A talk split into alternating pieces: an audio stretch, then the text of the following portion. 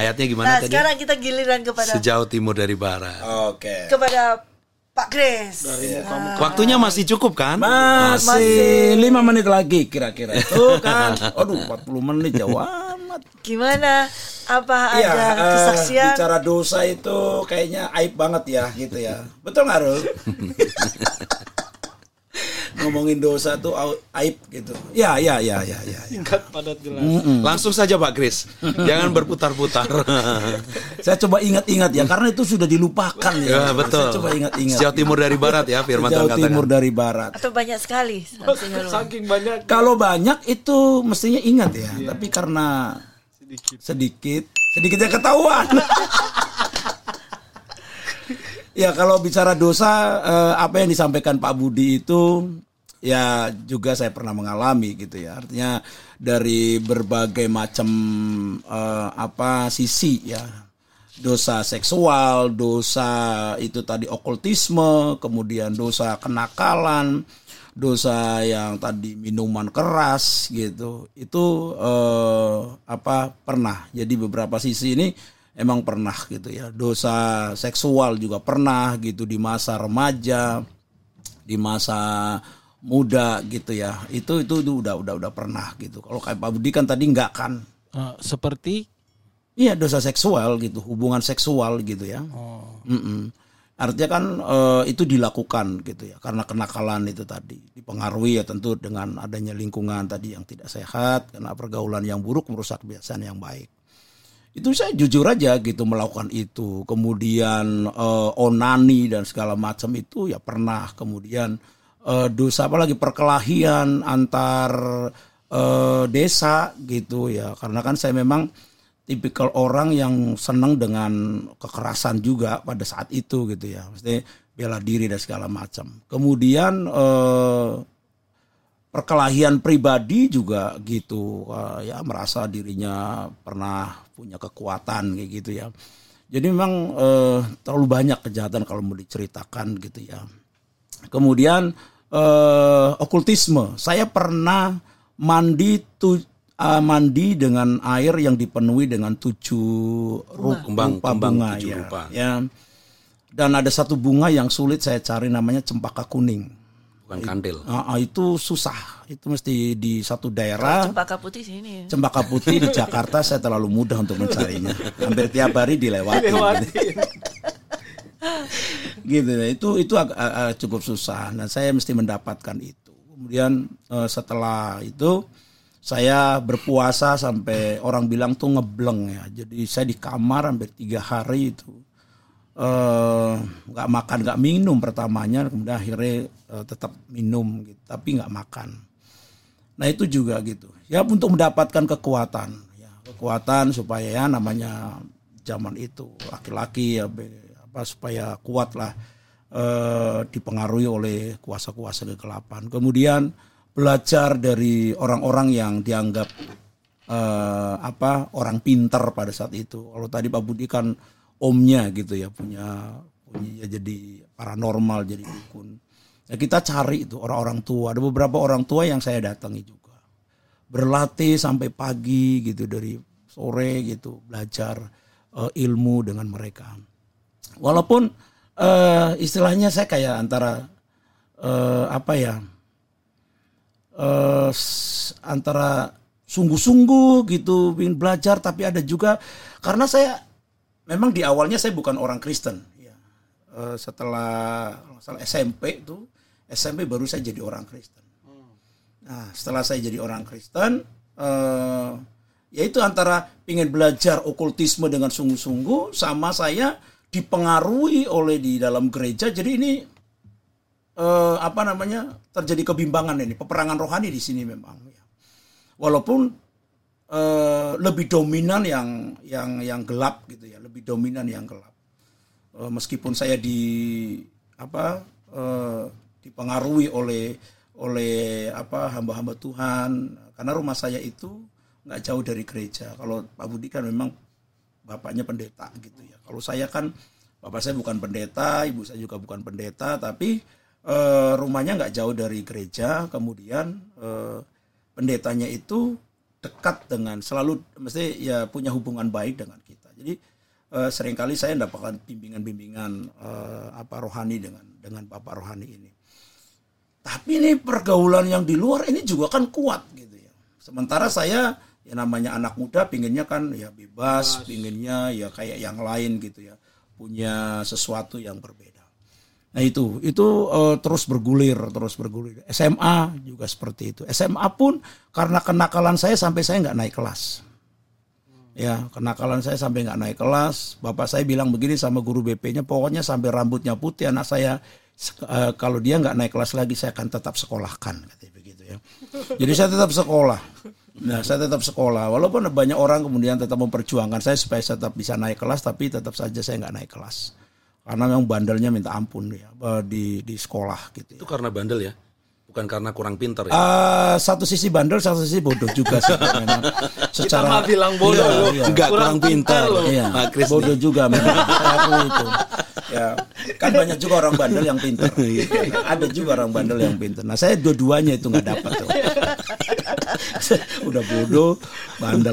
Jadi nggak ada yang bisa dipertahankan. Walaupun banyak guru-guru yang eh, baik sama saya gitu ya. Eh, dia mencoba mempertahankan itu. Tapi ada seorang guru wanita yang kemudian dia tetap bersikukuh eh, apa namanya untuk tidak menaikkan saya di kelas 3 waktu itu. Akhirnya saya bertahan di kelas 2.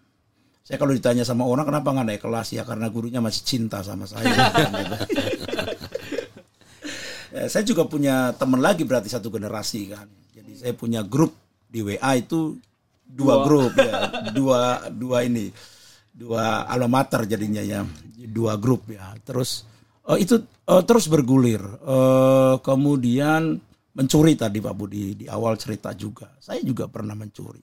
Saya pernah mencuri eh, mangga, pernah mencuri mangga. Itu di atas, udah di atas nih saya.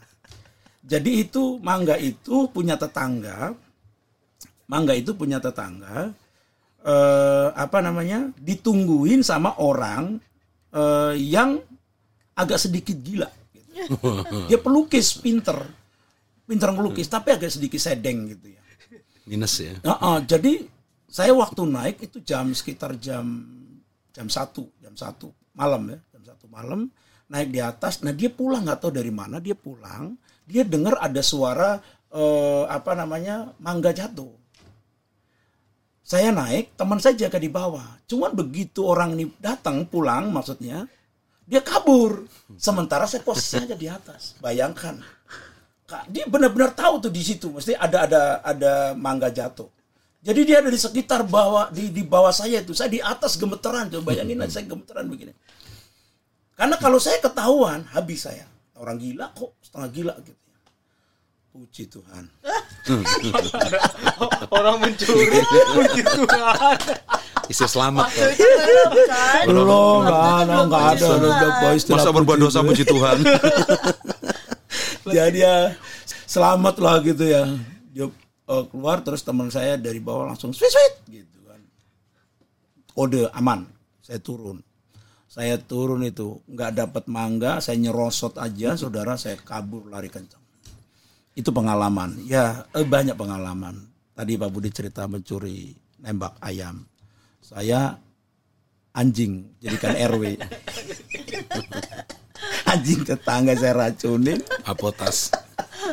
habis dia jatuh langsung dihabisi dihabisinya di mana? Di belakang gereja. Terus yang punya anjing makan lagi. enggak dong Oh, nggak enggak. tahu dia. Cuman besoknya kan kehilangan gitu kan. Tetangga bener kehilangan saya diem aja. Nah banyaklah kenakalan kenakalan itu. Nah terus eh, minuman. Iya jelas minuman. Mabuk parah. Eh, apalagi saya punya teman itu ya maaf ya bukan semuanya baik gitu ya. Eh, karena di dalam gereja pun teman-teman di dalam gereja pun pada saat itu pun ya juga pelaku juga eh, minuman-minuman keras gitu. Hampir tiap malam. Eh, banyak sekali apa yang saya buat. Dari tadi masalah eh, apa kekudusan seks kemudian onani kemudian eh, apa lagi itu eh, okultisme pencurian perkelahian antar antar antar apa desa gitu ya. Itu banyak sekali perbuatan itu. Dan Kapan tuh titik tolak? Ah, titik tolaknya adalah tahun eh, saya setelah lulus sekolah, eh, saya dulu di Semea. Setelah lulus sekolah di Semea itu saya ijazah belum diambil saya ke Jakarta. Tapi belum belum benar-benar itu.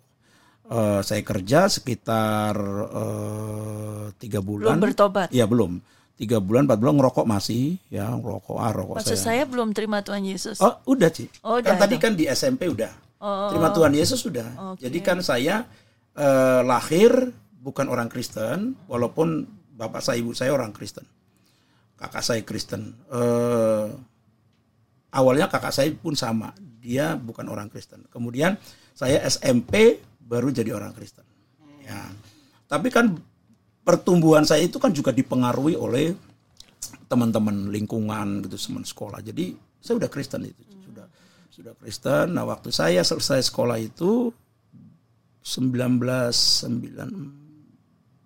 1994 93 94 lah itu. Saya ke Jakarta eh, selama tiga bulanan saya kerja di eh, Pangeran Jayakarta eh, ju- apa bantu di restoran bakmi. Kemudian setelah itu eh, apa namanya pulang lagi.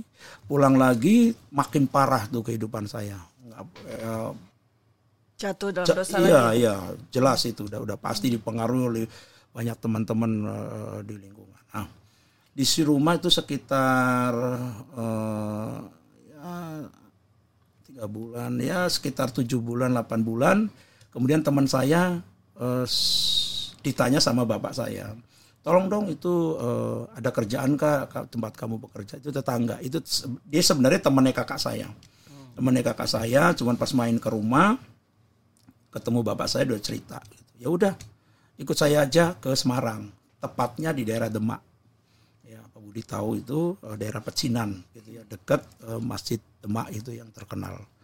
Nah terus eh, saya kerja di Demak. Sebelum saya ada di Pecinan itu saya tinggal di rumah kakaknya teman saya yang bawa ini. Saya tinggal di situ saya kerja di pabrik eh, besi sorry pabrik kawat benrat gitu ya. Nah kerja di situ tapi sebelum saya ke sana sejahat-jahatnya saya tetap masih eh, punya pikiran yang maksudnya eh, Lurus. lu- ag- agak lurus gitu, agak lurus. Kenapa? Karena waktu saya mau ke sana saya tanyanya gini, di sana ada gereja nggak gitu. Oh ada, nanti saya itu, maksudnya supaya saya bisa kebaktian. Bandel iya, tapi ingat gereja gitu ya. Jadi eh, waktu itu saya dibilang ada ada ada gereja, nanti aku anterin ke sana. Nah terus akhirnya saya ke sana eh, dalam kurun waktu satu bulan saya masih tinggal di rumah kakaknya teman saya. Ya tapi waktu saya datang ke sana sebelum saya ngelamar pekerjaan itu dibawa ke tempat pabriknya itu saya dibawa ke gereja. Dikasih tunjuk aja sih ini gerejanya nanti kamu ke gereja di sini gereja Betel Indonesia waktu itu punya Pak Putut Putut Pucura Harjo, Pak Yak, Pak Ayub, menantunya Pak Ayub tahu kan? Kudus. Yang di Kudus. Iya. Ya. Nah terus eh, saya tinggal di rumah kakaknya teman saya itu kurang lebih satu bulan. Nah setiap hari Minggu saya ke gereja. Saya masih ngerokok, tapi minum nggak. Saya masih ngerokok. Minum air putih dong Pak Kris. Minum air putih ya, minum air keras enggak? Es batu maksudnya. Jadi saya masih rokok di gereja. Terus eh, waktu saya itu temannya Pak Budi itu ternyata yang jadi pengerja di situ. Namanya si Yoyo. Iya, iya. Nah, Yoyo orang Surabaya tuh. Adik kelas ya. Nah, nah itu eh, saya di situ saya tanya, waktu saya ketemu sama pengerjanya itu, saya langsung ngomongnya begini, Mas, boleh tinggal di pastori nggak? Saya bilang gitu. Hah? Emang si Mas siapa gitu? Kok? Iya, saya boleh tinggal di sini nggak? Gitu. Eh, dia bingung gitu, karena satu sisi setelah saya tinggal di situ ya, dia cerita ternyata dia sedang berdoa cari teman, cari teman, maksudnya minta ditemen, dia tinggal di pastori. Sendirian, Sejenis itu ya. Oh sejenis, eh sejenis. Maksudnya laki-laki dia, dia laki-laki. Nah terus eh waktu dia saya tanya gitu, dia bilang begini, antara bingung gitu mau diterima langsung atau ya udah nanti saya eh, tanya Pak Gembala deh. Gitu. kamu nanti hari Rabu datang karena setiap hari Rabu itu ada doa. Rabu datang. Oh ya saya usahakan ya karena pulang kerja saya nanti mampir ke sini. Nah terus setelah saya pulang eh, sama teman saya eh, ke rumahnya kakaknya itu, saya mesti seperti biasa tidur di situ. Kemudian kerja, nah pulang kerja saya datang lagi ketemu sama gembalanya.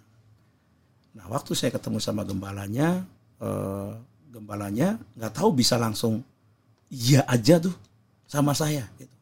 Hari itu tuh bilang, oh gitu ya, namanya siapa? Namanya Kris Wiantoro. Oh ya udah, minggu besok kamu eh, ke sini ya, sekalian aja bawa barang-barang kamu, suruh tinggal. Nah, terus saya ngobrol sama jemaatnya ketika saya hari hari Minggunya itu ketemu sama jemaat. Nah, jemaat itu ternyata rumahnya nggak jauh juga dari kakaknya teman saya yang akhirnya itu memperkuat eh, memperkuat eh, saya tinggal di situ gitu. Dibolehkan tinggal di situ. Karena akhirnya jemaat ini yang rumahnya dekat dengan kakaknya teman saya itu dia cerita sama Pak Gembala Pak Petrus gitu. Oh iya saya kenal itu. Kalau dia tinggal di situ saya kenal. Namanya ini, ini, ini. akhirnya saya diperkuat untuk tinggal di situ. Nah mulai dari situ titik balik saya di situ. Nah di Tunggu, situ tunggu, saya tunggu. dibentuk karena memang Pak Yang yang Kak Kris yang eh, ngomong mau tinggal di Pastori itu maksudnya dasarnya apa gitu? Maksudnya pengen di situ atau gimana? Pertama karena gratis.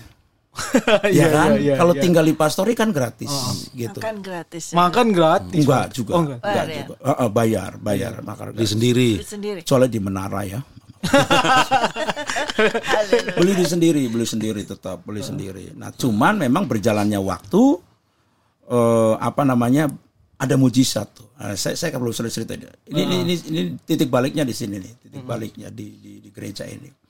Nah setelah itu karena memang Pak Petrus juga eh, pembicara yang mesti ya diurapi Tuhan, eh, dipakai Tuhan. Dia temannya Pak Eras kan dia teman dekatnya Pak Eras. Nah dia eh, apa namanya setiap firman Tuhan yang disampaikan itu selalu benar-benar menggugah eh, apa batin saya. Itu yang kemudian saya terus ditegur sama Roh Kudus, saya terus ditegur sama Tuhan sehingga saya terus mesti memperbaiki diri. Saya di situ tuh masih ngerokok.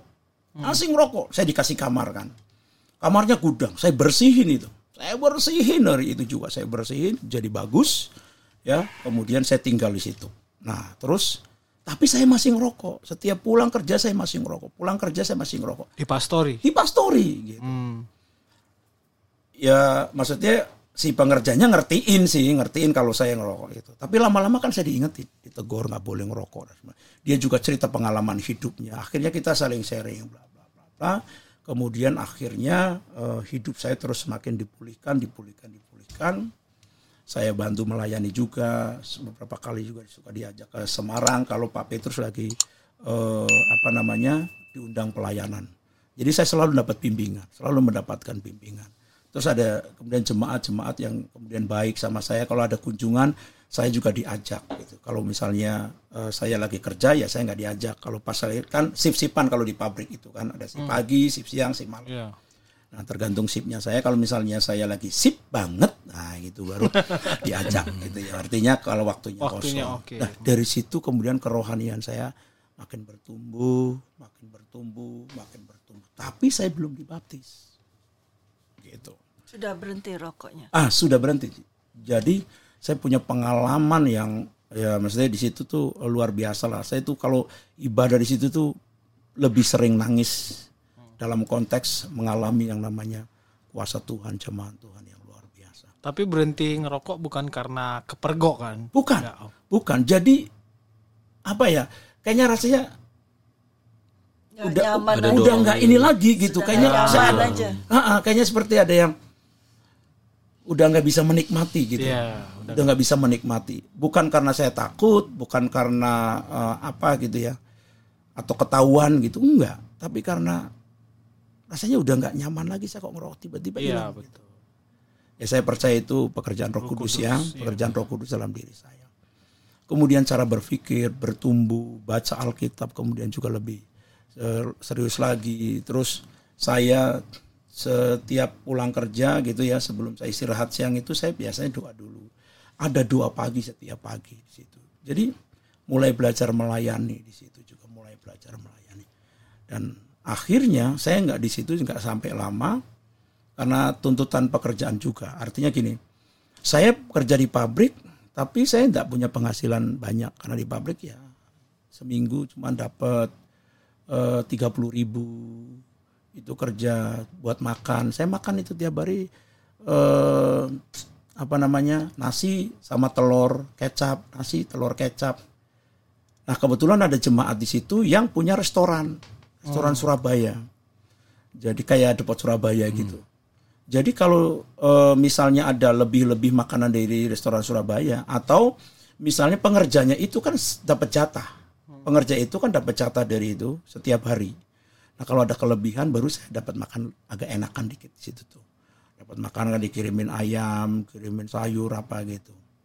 Nah satu kali saya benar-benar nggak punya makanan, nggak punya uang bukan nggak punya makanan, nggak punya uang dan nggak bisa beli telur, nggak bisa beli beras.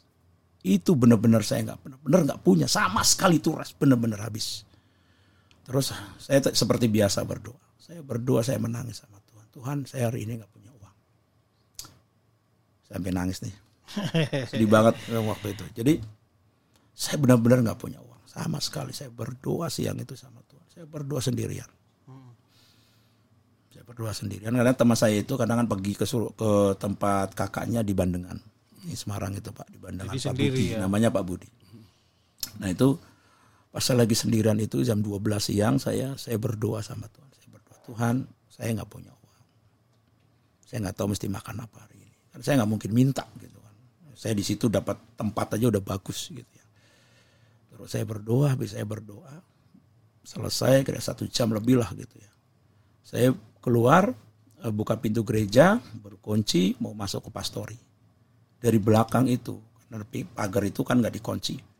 Jadi itu ada pembantunya jemaat, pembantunya jemaat itu tiba-tiba panggil saya, Mas, Mas, saya nengok ke belakang. Eh, Mbak, saya kenal kan karena sudah sudah apa udah lama gitu kebaktian di situ jadi kenal. Itu pembantunya eh, jemaat. Iya, eh ada apa? Ini saya bawa makanan. Hah? Bawa makanan? Iya. Tapi Mas Yoyo nggak ada loh. Enggak. Kata tante, ini eh kata nyonya makanan ini buat Mas. Hah? Buat saya? Yang benar? Iya. Itu baru pernah terjadi. Biasanya cuman ya karena pengerja gitu. Saya nggak dianggap artinya kan saya kan cuma numpang di situ kan. Jadi hari itu itu ya saya saya tahu itu pekerjaan Tuhan lah ya. Jadi nyonyanya itu nyuruh mbaknya itu untuk sampaikan makanan sama lauknya itu lengkap gitu banyak lagi. Ini katanya buat Mas, buat makan eh, si Mas katanya. Saya tadinya nolak. "Ah, ini kan buat eh, apa Mas Mas Yo nggak ada gitu. Enggak enggak enggak ini buat si Mas. Nolak tapi ngarep ya. Ya jelas lah pasti karena saya doa udah nangis sama Tuhan toh. Ini. Yes. Nah terus akhirnya akhirnya eh, apa namanya saya terima saya ya sambil makan sambil ya terharu gitu ya dengan kebaikan Tuhan. Terus malamnya saya ke rumah tante itu kan sama apa sama Yoyo pas pulang gitu. Main ke rumahnya malam-malam karena nggak jauh rumahnya dari dari gereja gitu. Main ke rumah bilang terima kasih. Oh, dia orang Belanda, orang Belanda. Eh, suaminya itu orang orang situ lah orang Jawa gitu orang Semarang itu. Nah, akhirnya ngobrol. Nah, akhirnya makin kita lah makin dekat kenal gitu. Ya akhirnya Tiap ya hari. kadang-kadang dapat berkat juga. Dapat makan. Tiap hari. Hmm, ya nggak tiap hari lah tapi paling enggak sering di, dikirimin gitu ya. Ada dikasih lebih buat tambahan buat saya. Nah dari situlah titik baliknya. Nah kemudian ada juga pelayanan-pelayanan yang lain. Nah setelah kemudian tadi bicara tentang penghasilan saya tidak eh, bisa nabung nggak cukup apa akhirnya eh, saya pulang. Tapi sebelum pulang saya dibaptis tuh. Dibaptis sama Pak Putut ya Pak Petrus itu di laut di pantai tempatnya Pak Budi. Laut Kartini Pak. Iya. pantai Kartini. Pantai Kartini Jepara. saya dibaptis di laut mungkin Itu Alkitabiah tuh. karena dosanya terlalu banyak jadi dibaptisnya di laut Biar bisa nampung ya. Kan dosanya dilempar ke tubir-tubir laut. Tapi setelah itu langsung ikut ini sekolah Oh enggak, Enggak, enggak, kan enggak. kan dulu. saya Belum. pulang ke Jak- eh, ke Jak- eh, apa pulang Enggak, maksud saya Jakarta. ik- anu masuk sekolah Alkitab juga. Iya, sekolah Alkitab itu setelah kerja gitu. Saya sekolahnya malam. Tapi ngalami juga di sekolah Alkitab juga. Oh enggak, karena saya profesional. Jadi orang-orang yang sudah punya pekerjaan Iya, gitu. iya. Beda. Kalau Pak Sekolah Budi kan- malam dia Oh, Ah, gitu ya. extension lah istilahnya. Ya. Sekolah malam eksekutif profesional dia, eksekutif. eksekutif. Eksekutif. Jadi kelas malam dia. Kelas malam. Kalau kita kan tinggal di asrama. asrama. Tinggal di Berarti asrama. Om Budi sama kayak aku. Oke. Gitu. Berarti tidak mengalami hal-hal pergaulan buruk di sekolah. Oh, di sekolah. Alkitab? Iya, Tidak, enggak, ya? enggak. Di kantor. Di kantor. Di kantor. Dia di Artinya kantor dia. setelah itu tidak berdosa lagi begitu. Oh enggak juga. Oh, masih. Oh Masih. iya, Oh, masih. tetap sih. Bukan artinya eh, tapi berkurang. Saya eh, jujur, jadi tidak tidak semerta-merta setelah dibaptis kemudian saya keluar dari eh, Semarang itu di Demak itu, kemudian saya eh, banyak ya jelas perubahan jelas ada, tetapi eh, presentasinya itu jauh lebih sedikit. Maksudnya dalam dosa apa lagi? Kalau tadi sudah masih merokok masih waktu Udah itu? enggak, Udah enggak. udah enggak dong. Eh, Kadang-kadang minum masih, kadang masih bisa minum saat itu. Jadi karena tadi pergaulan gitu, apalagi kan setelah kerja, kemudian ada uang apa gitu. Tapi eh, minum, Dosa apa yang signifikan yang setelah minum dibaptis tadi. masih minum? minum, ya, minum masih. Minuman keras. Minuman keras, bukan minuman es batu maksudnya gitu.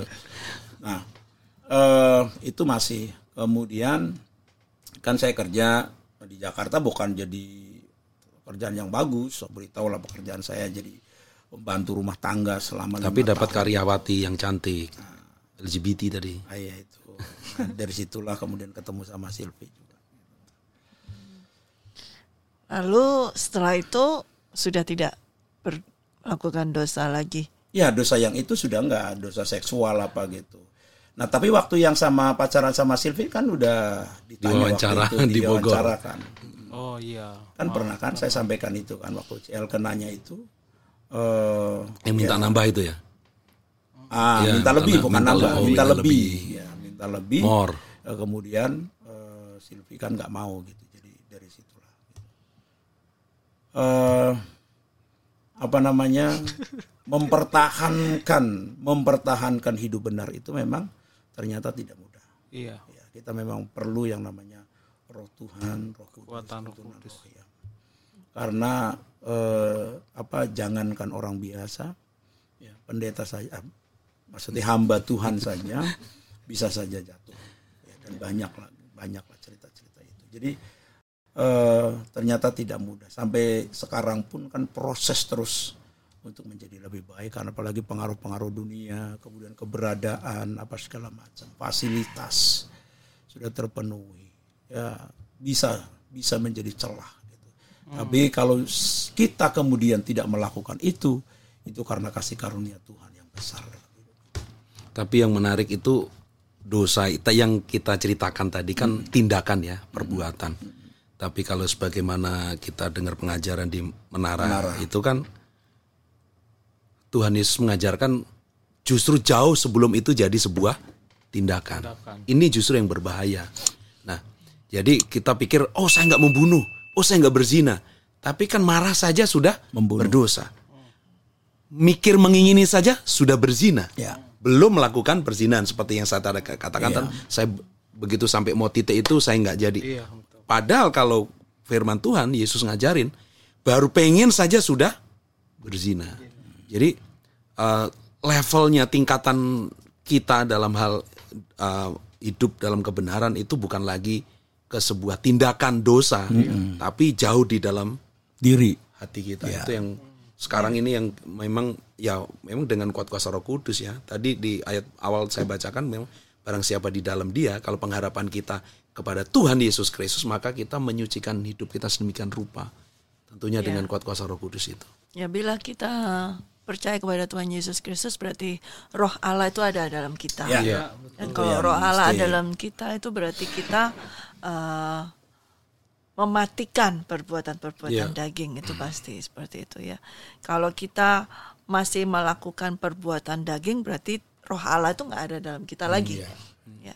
Jadi kalau kita sudah percaya Tuhan Yesus dan saya percaya Roh Allah itu ada dalam kita, kita pasti akan mematikan kedagingan itu. Amin. Jadi otomatis sebelum kita melakukan itu daging itu walaupun tindakan daging itu perbuatan daging itu bukan tindakan saja tetapi dalam pikiran itu Iya. sudah kedagingan. Iya. Dan kalau kita sudah matikan itu berarti tidak akan ada per- perbuatan atau tindakan tersebut. Hmm. Ya, tapi puji Tuhan ya, kita semua ini sudah dibebaskan oleh Amin. Amin. Haleluya. Kristus. Oleh darah Ya. anak.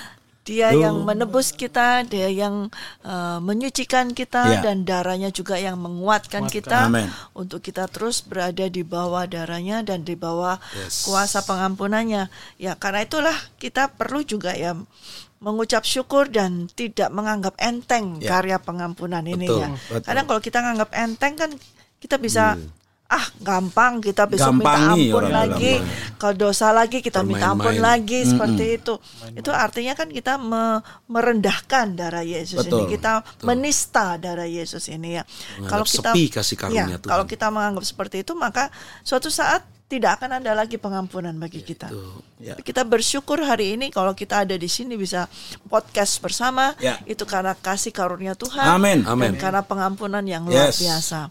Dan saya percaya juga setiap pendengar podcast di rumah juga bila mengalami uh, sedang dalam dosa, atau masih tinggal di dalam dosa. Ingatlah ada kasih karunia dari Amin. Tuhan Yesus Kristus, pengampunan yang dahsyat yang luar biasa. Hanya engkau tinggal mengakui saja. Ya. Ya. Ya, ini dosa dari Pak Budi yang mungkin banyak, Pak Kris banyak, saya banyak, Ruli banyak. Kita yang dulunya banyak, tapi kalau kita sudah akui, berarti kita sudah tidak punya dosa itu. Ya. Amin. Ya. Tetapi ada dosa yang bisa membawa maut ketika dosa itu tidak kita akui. Ya. Hari ini kita bisa ngomong terbuka ini karena apa? Dosa itu sudah kita akui di Iya. hadapan Tuhan. Dan itu tidak akan Sudah kita telanjangi iblis Ya, itu tidak ya akan kan. bisa menghakimi kita lagi seperti Gitu. itu. Iblis tidak bisa mendakwa kita lagi. Ya, seperti itu. Dan kita Kecuali bersyukur. Ruli mendakwa. Oh enggak, Ah, enggak. tidak. Dia bukan hakim. Jadi untuk itulah kita hari ini membongkar dosa atau kita menelanjangi dosa atau kita membuka cerita tentang dosa bukan berarti kita menghakimi Ya. atau kita menjadi hakim tidak tetapi kita mau nyatakan bahwa bahwa kita sudah dibebaskan dari dosa oleh Amin. Tuhan Yesus Ya, Kristus. amin. Ya, sehingga kita semua sudah menerima hidup kasih karunia Amin. yang luar biasa Yes. dan kita memiliki kehidupan kekal. Amin. Ya, itu yang hari ini kita mau sampaikan Ya. Ya. bahwa kemenangan atas dosa itu adalah Yes. hidup yang kekal. Amin. Amin. Yes. Amin. Karena itu jangan ragu-ragu teman-teman yang di rumah. Ya. bila engkau sedang dalam jatuh dalam dosa, dalam lingkungan dosa atau dalam lumpur dosa, segeralah segeralah bangkit dan segeralah berseru dan mohon ampun kepada Ya. Tuhan Yesus Pasti Kristus. Segera dibereskan. Pasti sedalam apa pun, sejelek apa pun dosamu, seburuk apa pun dosamu. bila Ayatnya dibaca. Dua pendeta langsung buka Alkitab. Baca ayatnya. Oh, sudah dikasih batas. Udah- Udah ditandain. dong. Eh, so- Udah dipersiapkan. Tolong silakan. Oke. Yesaya pasal 1 ayat yang ke-18. Marilah baiklah kita berperkara Yes. firman Tuhan. Sekalipun dosamu merah seperti kirmisi akan menjadi putih, seperti salju. Amin. Sekalipun berwarna merah seperti kain kesumba akan menjadi putih seperti bulu domba. Saya lanjutkan. Mazmur 103 ayat 12. Sejauh timur dari barat, Yes. demikian dijauhkannya daripada kita pelanggaran Amin. kita. Amin. Amin. Puji Tuhan. Cuci lagi. Ah. Oh enggak. Sudah dibuang Ya, ke tubir lautan yang paling dalam. Nah, oleh karena itu setiap dari kita yang sudah mati, kita tidak akan berbuat dosa. Ya. Amin. Mati terhadap dosa. Yes. Kita mati di dalam Bangkit Kristus, bersama kita bangkit bersama Amin. Yesus Kristus dan kita hidup menurut Roh Allah yang ada di dalam Amin. kita. Amin. Amin. Puji Tuhan. Amin. Oke, sudah ya. Udah. Yes. Oke, siap. Terima kasih. Sama-sama. Oke, sama-sama. Dosa-dosa yang Eh, sudah terima kasih untuk. Saya terima kasih atas Dosa-dosa yang sudah dosa-dosa. dibongkar yang sudah di Loh iya, karena itu Terima kasih untuk pengakuan dosa-dosa. dosanya. karena ada banyak orang yang tidak berani loh Oh iya, mengakui di hadapan gengsi, ini. Iya. gengsi itu. Itu itu malah justru dia Rusak memperbesar iblis Iya. ya. Tapi kita mempermuliakan kerajaan. Amin. Amin. Haleluya. Puji Tuhan. Amin. Orang-orang Ruli ada mau Oke, sampaikan? Teman-teman semua jangan lupa untuk dukung terus Dukung sosial media kita. Oh, bukan dukung dalam doa. Dukung biasanya dalam doa dan dana. Ya, oh ya habis ini kita baru doa ya. Oke. Ya, terus dukung sosial media kita Menara Doa Jakarta Official untuk YouTube-nya. Bisa juga eh, like, comment, share, subscribe.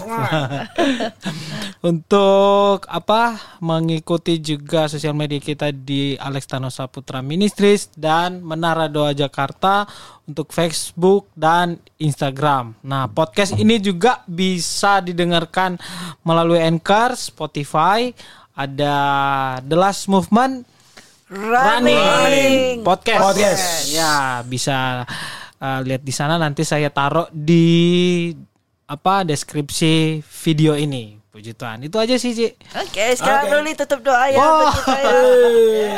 Ya, Pendeta Ruli. pendeta ya. Ya. Hamba Tuhan ah. Itu aja cukup. Ya, oke ya. Mari kita satu dalam doa. Korabaya syarabaya takandara labaya shandara larabaya. Mina karalama syet. Uralera. Korabaya shandara baya takandara baya. Mina karalama syet.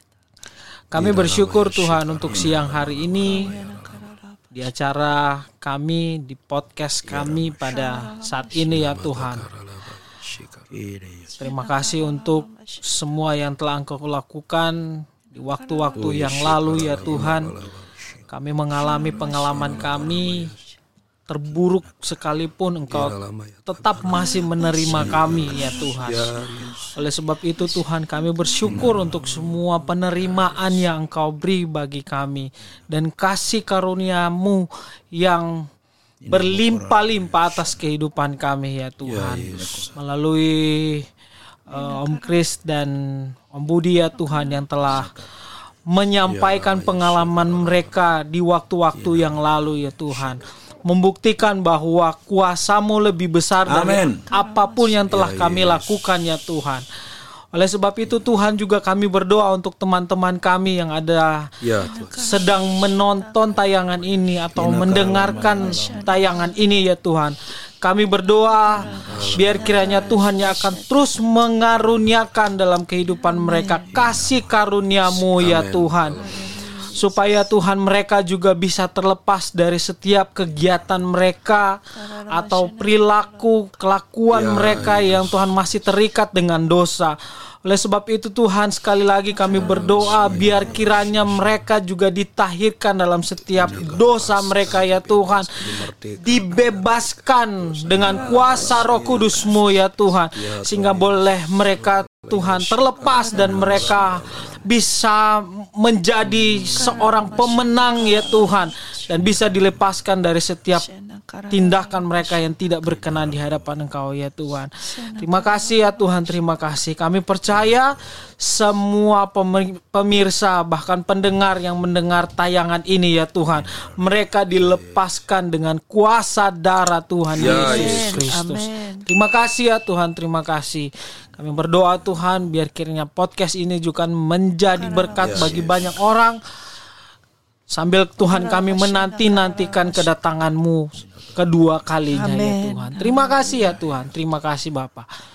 Kami sudah berdoa dan mengucap syukur kami akhiri podcast ini di dalam nama Tuhan Yesus Kristus. Haleluya. Haleluya. Amin. Amin. Puji Tuhan, puji Terus kita akan ada di The Last Movement Running. See you. God bless you. Sampai ketemu Tuhan Yesus memberkati. Tuhan Yesus berkati.